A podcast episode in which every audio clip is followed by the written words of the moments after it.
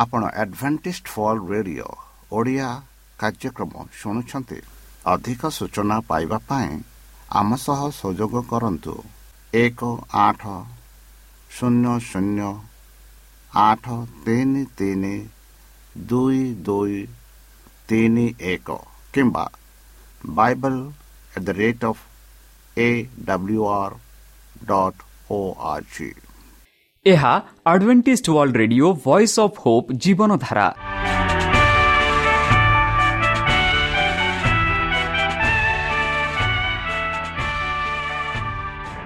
Odia radio କାର୍ଯ୍ୟକ୍ରମ ଯାହା ଆମର ଆନ୍ତର୍ଜାତୀୟ ଆଘାତ କେନ୍ଦ୍ରରୁ ପ୍ରସାରଣ କରାଯାଉଛି ପ୍ରତିଦିନ ରାତି ନଅଟା ତିରିଶ ମିନିଟ୍ରେ।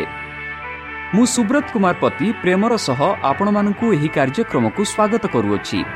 ଚାଲନ୍ତୁ ଆଜିର ତିରିଶ ମିନିଟ୍ର କାର୍ଯ୍ୟକ୍ରମ ବିଷୟରେ ଜାଣିନେବା। ପ୍ରଥମେ ରଖିଛୁ ଆଧ୍ୟାତ୍ମିକ ଭକ୍ତିମୟ ଗୀତ। ଏହାପରେ ଶୁଣିବା ସ୍ୱାସ୍ଥ୍ୟ ବିଷୟରେ ଯାହା ଆମର ଦୈନିକ ଜୀବନରେ ଅତ୍ୟନ୍ତ ଜରୁରୀ। ଆଉ ପରିଶେଷରେ ଶୁଣିବା ପରମେଶ୍ୱରଙ୍କ ଭକ୍ତଙ୍କଠାରୁ ଜୀବନଦାୟକ ଈଶ୍ୱରଙ୍କ ବାକ୍ୟ। ପ୍ରିୟ ଶ୍ରୋତା ତାହେଲେ ଚାଲନ୍ତୁ ଶୁଣିବା ଏକ ଆଧ୍ୟାତ୍ମିକ ଭକ୍ତିମୟ ଗୀତ।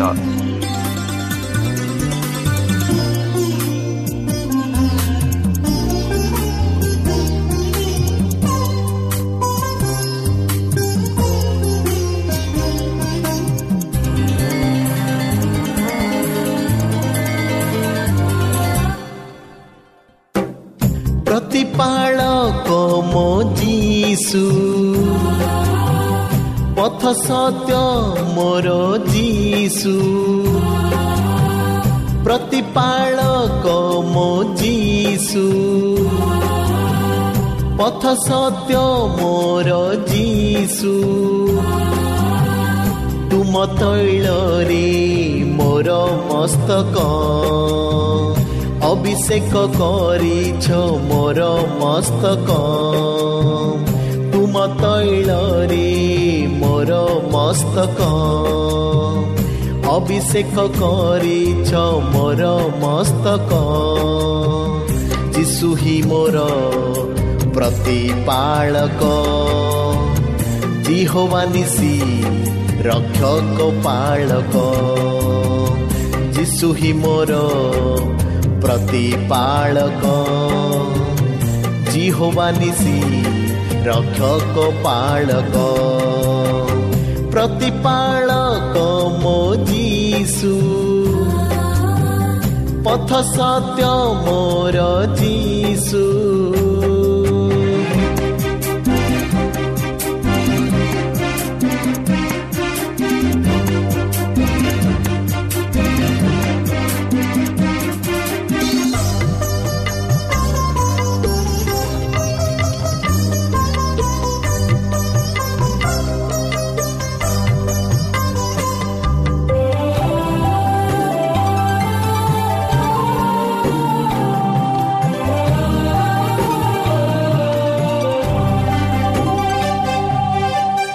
ଆକାଶ ପୃଥିବୀର ଯେ ନିର୍ମାଣକାରୀ ସେହି ସଦା ପ୍ରଭୁ ମୋର ସାହାଯ୍ୟକାରୀ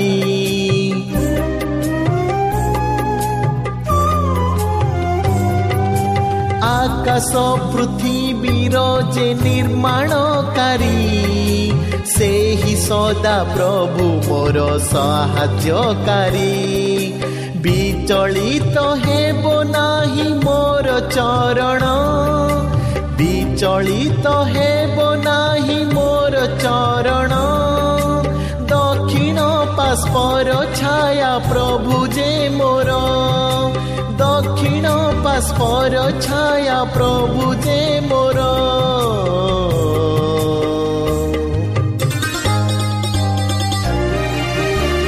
ଯିଶୁ ହିଁ ମୋର ପ୍ରତିପାଳକ ଜିହୋବାନିସି ରକ୍ଷକ ପାଳକ ଯିଶୁ ହିଁ ମୋର ପ୍ରତିପାଳକ ଜିହୋବାନିସି ରକ୍ଷକ ପାଳକ ପ୍ରତିପାଳକ ମୋ ଯୀଶୁ ପ୍ରିୟ ଶ୍ରୋତା ଆମେ ଆଶା କରୁଛୁ ଯେ ଆମର କାର୍ଯ୍ୟକ୍ରମ ଆପଣମାନଙ୍କୁ ପସନ୍ଦ ଲାଗୁଥିବ। ଆପଣଙ୍କର ମତାମତ ଜଣାଇବା ପାଇଁ ଆମର ଏହି ଠିକଣାରେ ଯୋଗାଯୋଗ କରନ୍ତୁ। ଆମ ଠିକଣା Adventist Media Centre SDA mission compound Salisbury Park Pune ଚାରି ଏକ ଏକ ଶୂନ ତିନି ସାତ ମହାରାଷ୍ଟ୍ର।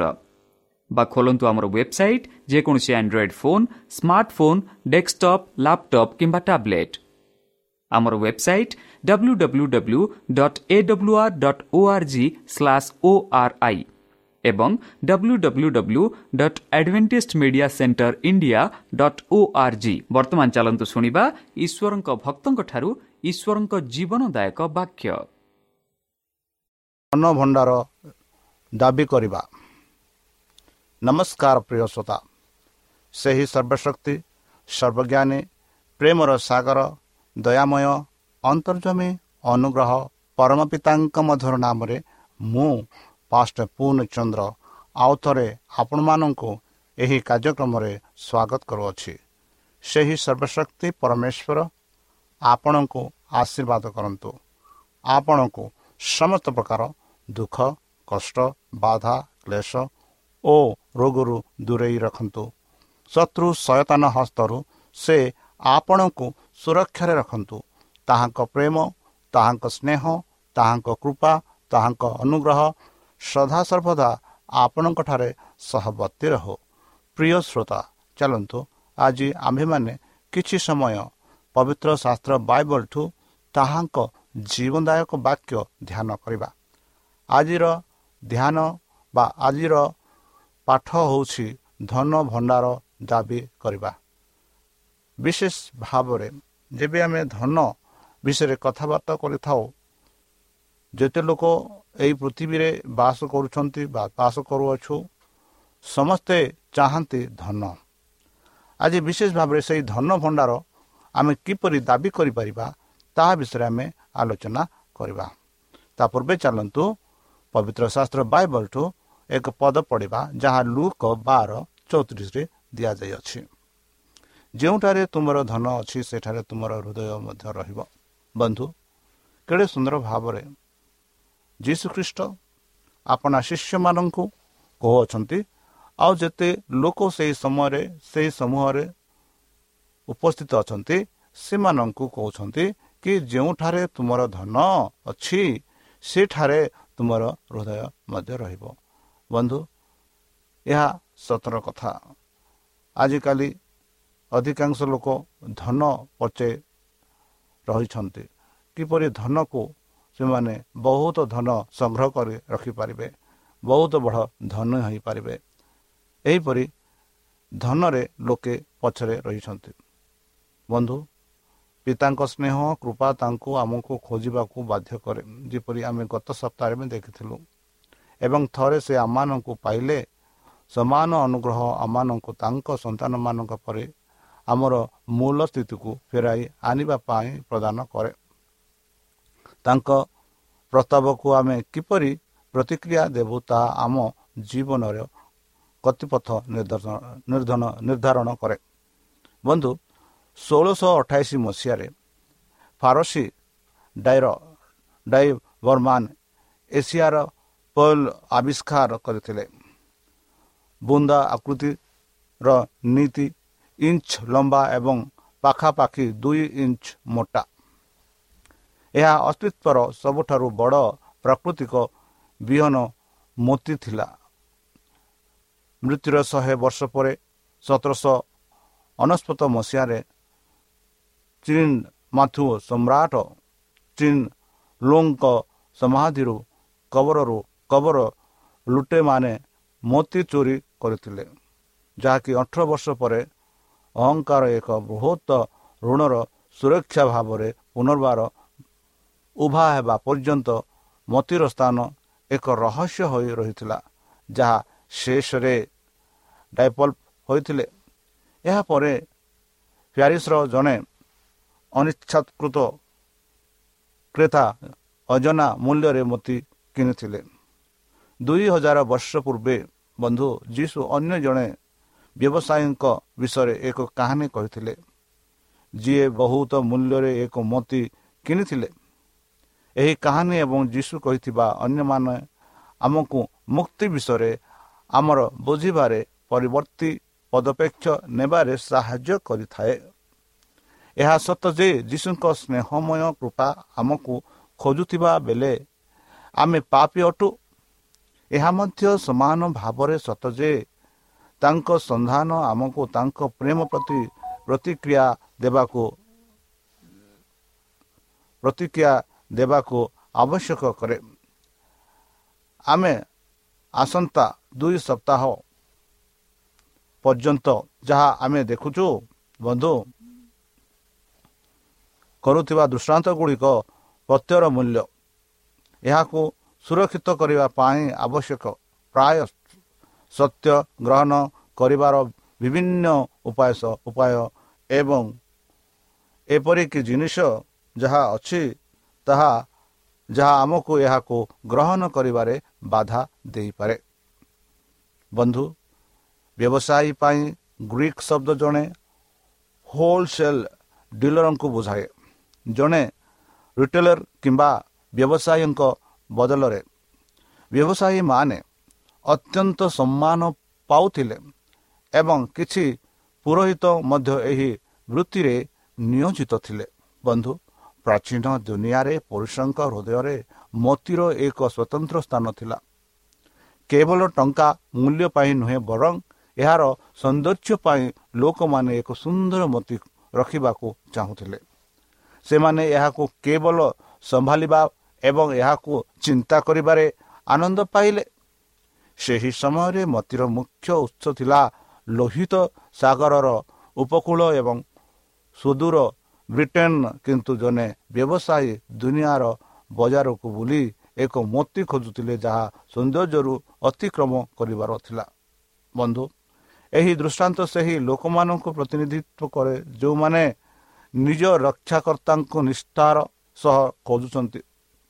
ଏହି ତ୍ରାଣକର୍ତ୍ତା ଯେ କୌଣସି ବ୍ୟକ୍ତିଙ୍କ ପାଖରେ ଥିବା ସମସ୍ତ ମୂଲ୍ୟବାନ ଯେମିତି ମୋତି ବ୍ୟବସାୟୀଙ୍କ ପାଇଁ ମୂଲ୍ୟବାନ ଥିଲା କିନ୍ତୁ ଯଦି ମୁକ୍ତି କିଣିବା ପାଇଁ ଆମେ କିଛି କରିପାରିବୁ ନାହିଁ ତେବେ ଏହାକୁ ହାସଲ କରିବା ପାଇଁ ଆମେ କାହିଁକି ସବୁ ତ୍ୟାଗ କରିବାକୁ ପ୍ରସ୍ତୁତ ରହିବୁ?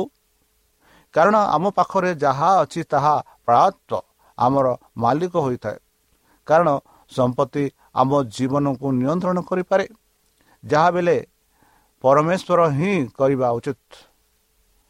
କିନ୍ତୁ ଗଭୀର ତଥାପି ମୁକ୍ତିଗର୍ବ ବ୍ୟକ୍ତିଗତ ଆଙ୍କ୍ଷାଖ୍ୟା ଏବଂ ମୂଳ ଅଭ୍ୟାସର ମୂଲ୍ୟ ବହନ କରେ। ହଁ ମୁକ୍ତି ଆମ ପାଖରେ ଯାହା ଅଛି ତାହା ମୂଲ୍ୟ ଦେଇଥାଏ କିନ୍ତୁ ଏହାର ମୂଲ୍ୟ ଅତୁଲନୀୟ ବନ୍ଧୁ କଳ୍ପନା କରନ୍ତୁ ଯେ ଆପଣ ଏପରି ଏକ ସମୟରେ ରହିଛନ୍ତି? ଯେତେବେଳେ ବ୍ୟାଙ୍କ ନାହିଁ ଚୋରମାନେ ବହୁତ ଅଛନ୍ତି ଏବଂ ନୂତନ ରାଜନୈତିକ ଶକ୍ତିମାନେ ଆପଣଙ୍କ ସମ୍ପତ୍ତି ଉପରେ ଅଧିକ ଟିକସ ଆଦାୟ କରନ୍ତି ଏହା ବ୍ୟବହୃତ ସେନା ଲୁଟ୍ ହେବାର ଆଶଙ୍କା ବାରମ୍ବାର ଦିଗନ୍ତରେ ଘୁରି ରହୁଛି। ଆପଣଙ୍କ ପାଖରେ ଥିବା ସମ୍ପତ୍ତିକୁ ଆପଣ କିପରି ସୁରକ୍ଷିତ କରିବେ? ବୋଧ ହୁଏ ଏହାକୁ ପୋତି ଦିଅନ୍ତୁ। ଯୀଶୁଙ୍କ ଦିନରେ ଅନେକ ଲୋକ ଠିକ୍ ତାହା ହିଁ କରିଥିଲେ। କିନ୍ତୁ ଆପଣ ଯେଉଁ ସ୍ଥାନରେ ଧନ ଲୁଚାଇ ରଖିଥିଲେ ତାହା ଭୁଲିଯିବା ଅଭ୍ୟାସ ଅସ୍ୱାଭାବିକ ହେବ ନାହିଁ। କିମ୍ବା ହୁଏତ ତୁମ୍ଭେ ମରିଯାଅ ବନ୍ଦୀ ଅଛ କିମ୍ବା ନିର୍ବାସିତ ଅଛ।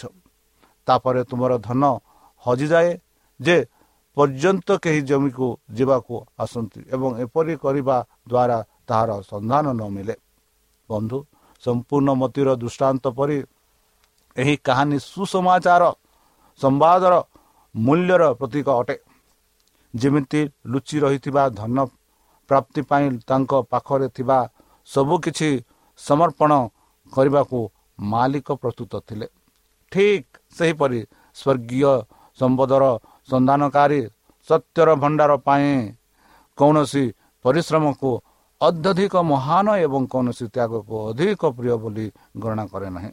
ବନ୍ଧୁ ସମସ୍ତଙ୍କର ଏହି ବିକ୍ରୟ କୌଣସି ମନମୁଖୀ ସତ୍ୟ ନୁହେଁ ବରଂ ଏହା ଭିତରେ ସ୍ୱୀକାର କରାଯାଇଥିବା ଏକ ଆନନ୍ଦଦାୟକ ପ୍ରତିବନ୍ଧକ। ଏପରିକି ଜଣେ ବ୍ୟକ୍ତି ସ୍ୱେଚ୍ଛାକୃତ ଭାବରେ ତାଙ୍କ ହାତ ଭର୍ତ୍ତି କରୁଥିବା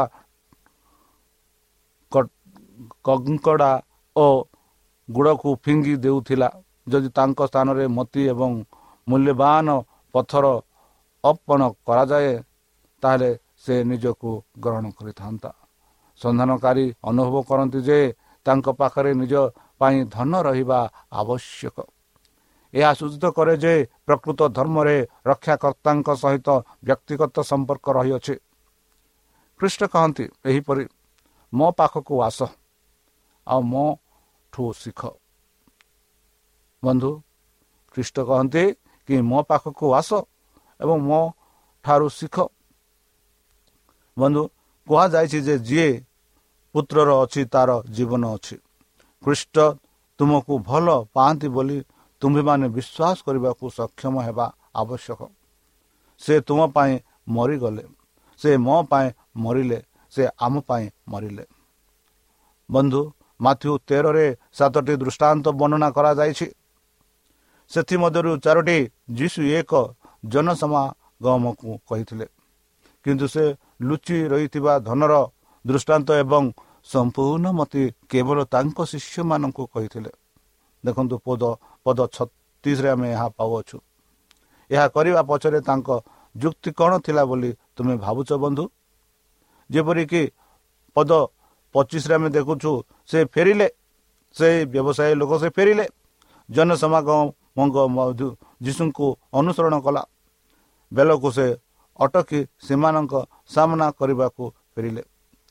ସେ ଜେରୁସାଲମ ଓ କୃଷ ଅଭିମୁଖେ ଯାଉଥିଲେ କିନ୍ତୁ ତାଙ୍କୁ ଅନୁସରଣ କରୁଥିବା ଅଧିକାଂଶ ଲୋକ ଭାବୁଥିଲେ ଯେ ସେ ଏକ ପୃଥିବୀ ସାମ୍ରାଜ୍ୟ ପ୍ରତିଷ୍ଠା କରିବାକୁ ଯାଉଛନ୍ତି। ତେଣୁ ଯୀଶୁ ସେମାନଙ୍କୁ କହିଲେ ଯେ ଯିଏ ତାଙ୍କୁ ଅନୁସରଣ କରେ ସେ ଏକ ନିଷ୍ଠା ସହିତ ଏକ କରିବା ଉଚିତ। ଯିଏ ସେମାନଙ୍କ ସବୁଠାରୁ ପ୍ରିୟ ସମ୍ପତ୍ତି ତ୍ୟାଗ କରିବ। ବନ୍ଧୁ ଯେପରିକି ଛବିଶ ପଦରେ ଆମେ ତାଙ୍କୁ ଦେଖୁଅଛୁ ତାର ପିତାଙ୍କୁ ଘୃଣା କର ନାହିଁ ବୋଲି। ବାଇବଲରେ ଘୃଣା କରିବାକୁ ସାଧାରଣ ଓରିଆ ହାଇ ପାଇଟିଲ ବୋଲି ଲେଖାଯାଉଛି ଯାହାକି ଆମେ ଇଂରାଜୀରେ କହୁଅଛୁ। ଯଦି ଆମେ ଦଶର ତାର ସଇଁତିରିଶ ପଦ ଦେଖିବୁ ତେଣୁ ଯଦି ଆମେ ଖ୍ରୀଷ୍ଟଙ୍କୁ ଭଲ ପାଉ ତାଠାରୁ ଅଧିକ କିଛି ବା କାହାକୁ ଭଲ ପାଉ ତେବେ ଆମେ ତାଙ୍କର ଶିଷ୍ୟ ହୋଇପାରିବା ନାହିଁ। ମାନେ ଯୀଶୁଙ୍କ ଠାରୁ ଯେକୌଣସି ଜିନିଷକୁ ଆମେ ଅଧିକ ଭାବରେ ଭଲ ପାଉଛୁ ତାହେଲେ କେବେ ହେଲେ ଆମେ ଯୀଶୁଙ୍କର ଶିଷ୍ୟ ହୋଇପାରିବା ନାହିଁ। ଶିଷ୍ପତ୍ୱର ମୂଲ୍ୟରେ ଜଣେ ବ୍ୟକ୍ତିର ଏହି ଜୀବନରେ ଯାହା କିଛି ଅଛି ଯୋଜନା ଅଭିଳାଷ ବନ୍ଧୁ ସମ୍ପର୍କୀୟ ସମ୍ପତ୍ତି ଧନ ଏବଂ ସ୍ୱର୍ଗରାଜ ପାଇଁ ସେବାର ବାଧା ସୃଷ୍ଟି କରୁଥିବା ସମସ୍ତ ଜିନିଷ ଅନ୍ତର୍ଭୁକ୍ତ। ବନ୍ଧୁ ଶିଷ୍ୟତ୍ୱର ମୂଲ୍ୟ ଗଣନା କରିବାର ଆବଶ୍ୟକତା ଉପରେ ଗୁରୁତ୍ୱ ଦେବା ପାଇଁ ଯୀଶୁ ଯାହାକି ମଠାଇଶି ବତିଶ ବାକ୍ୟରେ ଏହି ଦୃଷ୍ଟାନ୍ତ ଗୁଡ଼ିକର କହିଥିଲେ। ଏହି ଦୃଷ୍ଟାନ୍ତରେ ଆମେ ଯାହା ପାଉଛୁ ଅଙ୍ଗୁର କ୍ଷେତ୍ରରେ ଥିବା ଉଚ୍ଚ ଢାଞ୍ଚାକୁ ସୂଚାଇ ପାରିଥାନ୍ତା। ଯେଉଁଠାରେ ଚୌକିଦାର ମାନେ ଫସଲ ଚୋରି କରୁଥିବା ଲୁଟେରଙ୍କ ଠାରୁ ରକ୍ଷା କରିବାକୁ ବସିଥିଲେ। କିମ୍ବା ଯୀଶୁ ହେରଦଙ୍କ ବିଷୟରେ ଚିନ୍ତା କରିପାରିଥାନ୍ତେ ଯିଏକି ମହାନ କୋଠା ନିର୍ମାଣ କରିବାରେ ପାଗଳ ଥିଲେ। ଏପରି କୋଠା ଗୁଡ଼ିକର ଅନ୍ୟମାନେ ନିଶ୍ଚିତ ଭାବରେ ଅନୁକରଣ କରିବେ। ଏବଂ ଏଥିରେ କୌଣସି ସନ୍ଦେହ ନାହିଁ ବନ୍ଧୁ ଯେ ପର୍ଯ୍ୟାପ୍ତ ଯୋଜନା ଏବଂ ପାଣ୍ଠି ଯୋଗୁଁ ଏହି ନକଲ ଗୁଡ଼ିକ ମଧ୍ୟରୁ ଅଧିକାଂଶ ଅସମ୍ପୂର୍ଣ୍ଣ ରହିଥିଲା। କିନ୍ତୁ ଜଣେ ଖ୍ରୀଷ୍ଟିଆନ ହେବାର ମୂଲ୍ୟବାନରେ କୃଷ୍ଣଙ୍କ ନିକଟରେ ଆମର ଇଚ୍ଛାର ସମ୍ପୂର୍ଣ୍ଣ ଏବଂ ସ୍ଥାୟୀ ସମର୍ପଣ ଅନ୍ତର୍ଭୁକ୍ତ ହେବା ଆବଶ୍ୟକ। ଯେପରିକି ଲୁକ ଚଉଦ ଚଉତିରିଶରେ ଆମେ ଦେଖୁଛୁ ଲୁଣର ସ୍ୱାଦ ଭକ୍ତିର ଭାବନାର ପ୍ରତିନିଧିତ୍ୱ କରେ ବୋଲି। ଏହି ଭକ୍ତି ଭାବନା ବିନା ଶିଶ୍ୱତର ଅର୍ଥ ନାହିଁ ବୋଲି ଯୀଶୁ ଘୋଷଣା କରିଥିଲେ। ଯେପରି ଲୁଣ ଯାହା ତାର ଲୁଣର ସ୍ୱାଦ ହରାଇ ଦେଇଥାଏ ତେବେ ଲୁଣର କିଛି ଆବଶ୍ୟକ ନାହିଁ। ଲୁକ ବାର ତେର ସତରରେ ଯେପରି ଆମେ ଦେଖିଲୁ ତୁମର ଧନ କେଉଁଠି ଅଛି? ଉତ୍ତରାଧିକାର ମଜାଇ ନିୟମ ଅନୁଆଇ ବଡ଼ ଭାଇ ତାଙ୍କ ପିତାଙ୍କ ଜିନିଷ ଦୁଇଟି ଅଂଶ ପାଇଥିଲେ। ଏବଂ ଅବଶିଷ୍ଟ ଭାଇ କିମ୍ବା ଭାଇକୁ ଗୋଟିଏ ଲେଖାଏଁ ଅଂଶ ମିଳିଥିଲା। ବୋଧ ହୁଏ ସାନ ପୁଅ ହିଁ ଏହି ମାମଲାରେ ଯୀଶୁଙ୍କୁ ନିବେଦନ କରିଥିଲେ ଏବଂ ବଡ଼ ଭାଇ ପ୍ରକୃତରେ ଆଇନ ଦ୍ୱାରା ତାଙ୍କୁ ଦିଆଯାଇଥିବା ଦୁର୍ଗୁଣ ଅଂଶ ନେବାକୁ ବିରୋଧ କରିଥିଲେ। ମୂର୍ଖ ଧନୀ ଲୋକଟି ସଠିକ ପ୍ରଶ୍ନ ପଚାରିଲା ମୁଁ କ'ଣ କରିବି? କିନ୍ତୁ ସେ ଭୁଲ ଉତ୍ତର ଦେଲେ ମୁଁ ବଡ଼ ବାମ ନିର୍ମାଣ କରିବି। ଆଉ ଏପରି କରି ସେ ନିଜ ଲୋଭର ମୁହୂର୍ତ୍ତର ଦାସ ବୋଲି ନିଜକୁ ପରିଚୟ ଦେଇଥିଲେ। ବନ୍ଧୁ ଧ୍ୟାନ ଦିଅନ୍ତୁ ମୂର୍ଖ ଜଣଙ୍କ କେତେ ଥର ମୁଁ ଏବଂ ମୋ ବାକ୍ୟ ବ୍ୟବହାର କରିଥିଲା। ନିଜ ପ୍ରତି ତାଙ୍କର ପ୍ରେମ ତାଙ୍କୁ ନିୟମର ପ୍ରଥମ ଆବଶ୍ୟକତା ପୂରଣ କରିବାରେ ବାଧ୍ୟ ଦେଇଥିଲା। ସଦାପ୍ରଭୁ ତୁମର ପରମେଶ୍ୱରଙ୍କୁ ତୁମର ସମଗ୍ର ହୃଦୟରେ ତୁମର ସମଗ୍ର ଆତ୍ମା ସହିତ ତୁମର ସମଗ୍ର ଶକ୍ତି ଏବଂ ତୁମର ସମଗ୍ର ମନ ସହିତ ପ୍ରେମ କର ବୋଲି ଲୁକ ଦଶ ସଇଁତିରିଶରେ ଆମେ ପାଉଅଛୁ। ବନ୍ଧୁ ସ୍ୱାଭାବିକ ଭାବରେ ସେ ନିୟମର ଦ୍ୱିତୀୟ ଆବଶ୍ୟକତା ପୂରଣ କରିପାରିଲେ ନାହିଁ।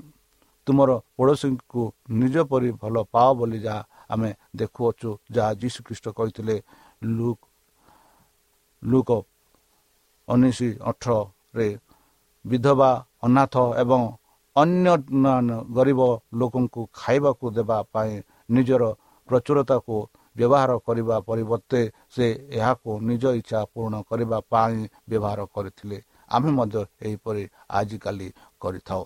ବନ୍ଧୁ ଦୃଷ୍ଟାନ୍ତର ତୁରନ୍ତ ଅନୁସରଣ କରୁଥିବା ବାକ୍ୟ ଗୁଡ଼ିକ ଦୃଷ୍ଟାନ୍ତରେ ଥିବା ଧନୀ ବ୍ୟକ୍ତିଙ୍କ ବିକଳ୍ପ ଜୀବନଶୈଳୀ ପ୍ରଦାନ କରିଥାଏ। ଯୀଶୁଙ୍କ ଅର୍ଥ ହେଉଛି ଯେ ପକ୍ଷୀ ଏବଂ ଫୁଲ ମାନେ ମଧ୍ୟ ଧନୀ ମୁଖଙ୍କ ଠାରୁ ଭଲ ଭାବରେ ଜାଣନ୍ତି। ଭୌତିକ ଦ୍ରବ୍ୟ ପାଇଁ ବଞ୍ଚିବାର ମୂର୍ଖତା ବର୍ଣ୍ଣନା କରାଯାଇଛି ଏବଂ ଆମର ଗରିବ ଧନୀ ମୂର୍ଖଙ୍କ ବିରୁଦ୍ଧରେ ଚୂଡ଼ାନ୍ତ ରାୟ ଶୁଣାଯାଇଛି। ତାଙ୍କ ହୃଦୟକୁ ତାଙ୍କ ମୁଷ୍ଟି ଭଣ୍ଡାର କୋଠା ଭିତରେ ବନ୍ଦ କରି ଦିଆଯାଇଥିଲା ଯାହା ପୁତ୍ରର ଆଲୋକ ଅଭାବରୁ ସୁଖ ଶୁଖି ଯାଇଥିଲା। ଆମେ ନିଶ୍ଚିତ ଭାବରେ ଅନୁମାନ କରିପାରିବା ଯେ ଯୀଶୁ ଯେଉଁ ଜୀବନକୁ ଯାହା ବାଇଶ ଟୁ ଚଉତିରିଶ ବାକ୍ୟରେ ଯୋଗ୍ୟ ବୋଲି ଦର୍ଶାଇଅଛି ତାହା ହେଉଛି ସେହି ବଣିକ ଯିଏ ସମ୍ପୂର୍ଣ୍ଣ ମତି ସନ୍ଧାନ କରିଥିଲେ ଏବଂ ପୋତି ଯାଇଥିବା ଧନକୁ ପାଇଥିବା ବ୍ୟକ୍ତିଙ୍କ ଦ୍ୱାରା ବଞ୍ଚିଥିବା ଜୀବନ। ବନ୍ଧୁ ଏହି ଦୁଇ ଋଣଦାତାଙ୍କ ଦୃଷ୍ଟାନ୍ତରେ ଈଶ୍ୱରଙ୍କ କ୍ଷମା କୃତଜ୍ଞତା ବା ସ୍ୱାର୍ଥପର ଉଦାସୀନତା ପ୍ରତି ଆମର କେବଳ ଦୁଇଟି ମନୋଭାବ ଦେଖିବାକୁ ମିଳେ ଯାହା ଆମେ ଲୁକ ସାତ ଛତିଶରୁ ପଚାଶରେ ଆମେ ପାଉଅଛୁ। ଦୃଷ୍ଟାନ୍ତରୁ ଜଣାପଡ଼େ ଯେ ଜଣେ ବ୍ୟକ୍ତିଙ୍କର ଈଶ୍ୱରଙ୍କ କ୍ଷମା ପାଇଁ ପ୍ରଶଂସା ସେହି ବ୍ୟକ୍ତିର କ୍ଷମାର ଆବଶ୍ୟକତା ଭାବନା ଉପରେ ଆଧାରିତ। ପ୍ରତ୍ୟେକ ଋଣଦାତାଙ୍କ ବକେୟା ପରିମାଣରେ କୌଣସି ଫରକ ପଡ଼ିନଥିଲା। କେହି ବି ଋଣ ପରିଶୋଧ କରିପାରୁନଥିଲେ। ଋଣଦାତାଙ୍କ କ୍ଷମା ପ୍ରତି ପ୍ରତ୍ୟେକ ଋଣଦାତା ଯେଉଁ ପ୍ରଶଂସା ପ୍ରଦର୍ଶନ କରିଥିଲେ ସେଥିରେ ପାର୍ଥକ୍ୟ ରହିଛି। ଜଣେ ପରିସି ଭାବରେ ସୀମ ତାଙ୍କ ଧାର୍ମିକତାକୁ ଏକ ନିୟମ ଅନୁସରଣ କରିବାର ନିଜର ଦକ୍ଷତା ଉପରେ ଆଧାରିତ କରିଥିଲେ। ନିଜ ଶକ୍ତି ଉପରେ ବିଶ୍ୱାସ ରଖି ସେ ଅନୁଭବ କଲେ ଯେ ସେ ପୂର୍ବରୁ ଜଣେ ଭଲ ବ୍ୟକ୍ତି ତେଣୁ ଖ୍ରୀଷ୍ଟ କ୍ଷମାର ଆବଶ୍ୟକତା ବିଷୟରେ ସେ ଅବଗତ ନଥିଲେ। ଗୋଟିଏ ଜିନିଷ ଯାହା ମଣିଷକୁ ଈଶ୍ୱରଙ୍କୁ ଦୂରେଇ ରଖିଥାଏ ତାହା ହେଉଛି ଆତ୍ମା ନିର୍ଭରଶୀଳତା ବନ୍ଧୁ ଅତ୍ୟନ୍ତ ଘୃଣାର ସହ ସିମନ ଏହି ଦୃଶ୍ୟଙ୍କୁ ତାଙ୍କ ସାମନାରେ ଦେଖିଥିଲେ। ପାରିସୀମାନେ ବିଶ୍ୱାସ କରୁଥିଲେ ଯେ ଯଦି କୌଣସି ମହିଳା ସେମାନଙ୍କୁ ସ୍ପର୍ଶ କରନ୍ତି ତେବେ ପୁରୁଷମାନେ ଅନୁଷ୍ଠାନିକ ଭାବରେ ଅଶୁଦ୍ଧ ହୋଇଯାଇଥାନ୍ତି। ବେଶ୍ୟା ପରିସ୍ୟା କରିବା ପାଇଁ ଆପଣଙ୍କୁ ଗମ୍ଭୀର ଅସୁବିଧାର ସମ୍ମୁଖୀନ ହେବାକୁ ପଡ଼ିଥିଲା। ଏବଂ ଏଠାରେ ରାବି ଯୀଶୁ ଏହି ହର ଲୋଟଙ୍କୁ କେବଳ ତାଙ୍କ ସ୍ପର୍ଶ କରିବାକୁ ଅନୁମତି ଦେଇଥିଲେ ବରଂ ତାଙ୍କୁ ଚୁମ୍ବନ ଦେବାକୁ ଏବଂ ତାଙ୍କୁ ବୃତ୍ତିରୁ ମିଳିଥିବା ପାଣ୍ଡିରୁ ସମ୍ଭବତଃ କିଣା ଯାଇଥିବା ଦାମୀ ପର ପରେ ଅଭିଷେକ କରିବାକୁ ଅନୁମତି ଦେଇଥିଲେ। କିନ୍ତୁ ଏହି ମହିଳା ଜଣଙ୍କ ନିଜକୁ ମୁକ୍ତି ଦେବାରେ ଅସମର୍ଥ ସ୍ୱୀକାର କରିଥିଲେ। ସିମନଙ୍କ ପରି ତାଙ୍କ ଆଚରଣ ଉଭୟ ଏହି ସ୍ୱୀକୃତି ଏବଂ ତ୍ରାଣକର୍ତ୍ତା କୃପା ଉପହାର ପ୍ରତି ତାଙ୍କର ଗଭୀର ପ୍ରଶଂସାକୁ ପ୍ରଦର୍ଶିତ କରିଥିଲା। ବନ୍ଧୁ ନାରୀର ପାପ କ୍ଷମା ହୋଇଛି ବୋଲି ଘୋଷଣା କରିବା ସମୟରେ ଯୀଶୁ ତାଙ୍କ ପାପ କ୍ଷମା ଘୋଷଣା କରିନଥିବା ବେଳେ ସିମନ କେମିତି ଚିତ୍କାର କରିଥିବେ? ବନ୍ଧୁ ଯାହା ଆମେ ଦେଖୁଅଛୁ ସ୍ୱାର୍ଥପରତା ଏବଂ ନିଃସ୍ୱାର୍ଥପରତାର ନିମ୍ନ ଲିଖିତ ଉଦାହରଣ ଗୁଡ଼ିକ ଅଧ୍ୟୟନ କରନ୍ତୁ। ଏହି ଦୁଇଟି ବୈଶିଷ୍ଟ୍ୟ ବିଷୟରେ ପ୍ରତ୍ୟେକର ଫଳାଫଳ ଆମକୁ କ'ଣ କହିଥାଏ? ଏମିତି କିଛି ଲୋକ ଅଛନ୍ତି ବନ୍ଧୁ ଯେଉଁମାନେ ସବୁବେଳେ ଭଲ ମତି ପାଇଁ ଖୋଜୁଛନ୍ତି କିନ୍ତୁ ସେମାନେ ନିଜର ଭୁଲ ଅବଶ୍ୟକୁ ସମ୍ପୂର୍ଣ୍ଣ ରୂପେ ସମର୍ପଣ କରନ୍ତି। ଖ୍ରୀଷ୍ଟ ସେମାନଙ୍କ ଭିତରେ ବଞ୍ଚିବା ପାଇଁ ସେମାନଙ୍କୁ ନିଜ ମରିବେ ନାହିଁ ତେଣୁ ସେମାନେ ମୂଲ୍ୟବାନ ମୂର୍ତ୍ତି ପାଇଛନ୍ତି ନାହିଁ। ବନ୍ଧୁ ଆପଣମାନେ ସେହି ମୂଲ୍ୟବାନ ମୂର୍ତ୍ତି ଖୋଜିବା ପାଇଁ ଖୋଜିବା ପାଇଁ ଚାହୁଁଛନ୍ତି କି? ସେହି ମୂଲ୍ୟବାନ ମୂର୍ତ୍ତି ହେଉଛି ଯୀଶୁ ଖ୍ରୀଷ୍ଟ ଯେ କି ତୁମ ପାଇଁ ମୋ ପାଇଁ ସମସ୍ତଙ୍କ ପାଇଁ ଜୀବନ ଦାନ ଦେଲେ ମୃତ୍ୟୁଗ୍ରହଣ କଲେ ଯେପରିକି ଆମେ ସ୍ୱର୍ଗରାଜ ଯାଇପାରିବା ଆଉ ତାଙ୍କ ସହ ବାସ କରିପାରିବା। ଏହି ଆଶାରେ ଚାଲନ୍ତୁ ନିଜକୁ ସମର୍ପଣ କରି ତାହାଙ୍କ ମଧୁର ନାମେ ଆମେ ପ୍ରାର୍ଥନା କରିବା। ହେ ଆମ୍ଭମାନଙ୍କ ସର୍ବଶକ୍ତି ସର୍ବଜ୍ଞାନୀ ପ୍ରେମର ସାଗର ଦୟାମୟ ଅନ୍ତର୍ଜମୀ ଅନୁଗ୍ରହ ପରମ ପିତା ଧନ୍ୟବାଦ ଅର୍ପଣ କରୁଅଛୁ। ବର୍ତ୍ତମାନ ଯେଉଁ ବାକ୍ୟ ତୁମ ଭକ୍ତମାନଙ୍କୁ ଶୁଣିଲେ ସେହି ବାକ୍ୟ ଅନୁସାରେ ଏମାନଙ୍କୁ ଚାଲିବା ପାଇଁ ବୁଦ୍ଧିରେ ଜ୍ଞାନରେ ଶକ୍ତିରେ ପରିପୂର୍ଣ୍ଣ କର। ଆମ ପାପ ସବୁ ତୁମ ସେହି ବହୁମୂଲ୍ୟ ରକ୍ତରେ ପରିଷ୍କାର ରୂପେ ଧୋଇଦିଅ ଆଉ ପରିଶେଷ ଯେବେ ତୁମେ ତୁମ ସେହି ସହସ୍ର ଦୂତଙ୍କ ସହ ଆସିବେ ସେତେବେଳେ ଆମମାନଙ୍କୁ ଏକ ବାସସ୍ଥାନ ଯେ ବୋଲି ତ୍ରାଣକର୍ତ୍ତା ପ୍ରଭୁ ଯୀଶୁଙ୍କ ମଧୁରମୟ ନାମରେ ଏହି ଛୋଟ ବିକ୍ଷମ ହେଉଛି ଶୁଣି ଗ୍ରହଣ କର। ଆମେନ୍।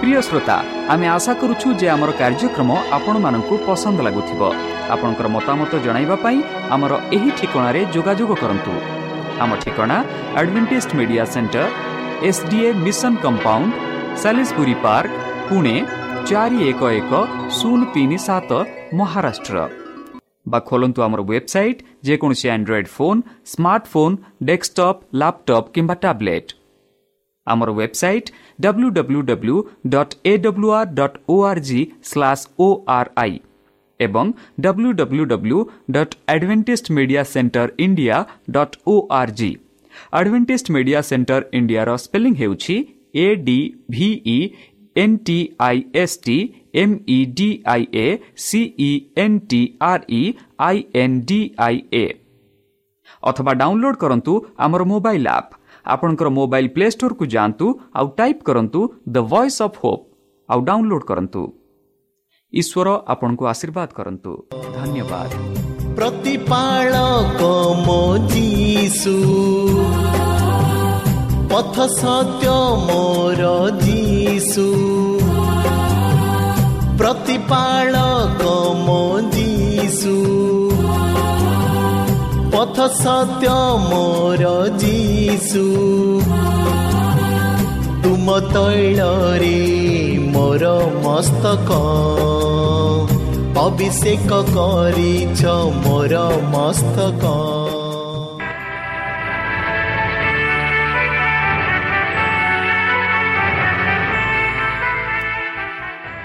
ଆପଣ ଆଡ଼ଭେଣ୍ଟେଜ୍ ଫଲ୍ ରେଡ଼ିଓ ଓଡ଼ିଆ କାର୍ଯ୍ୟକ୍ରମ ଶୁଣୁଛନ୍ତି ଅଧିକ ସୂଚନା ପାଇବା ପାଇଁ ଆମ ସହ ସଂଯୋଗ କରନ୍ତୁ। ଏକ ଆଠ ଶୂନ୍ୟ ଶୂନ୍ୟ ଆଠ ତିନି ତିନି ଦୁଇ ଦୁଇ ତିନି ଏକ କିମ୍ବା Bible at the rate of A W R dot O R G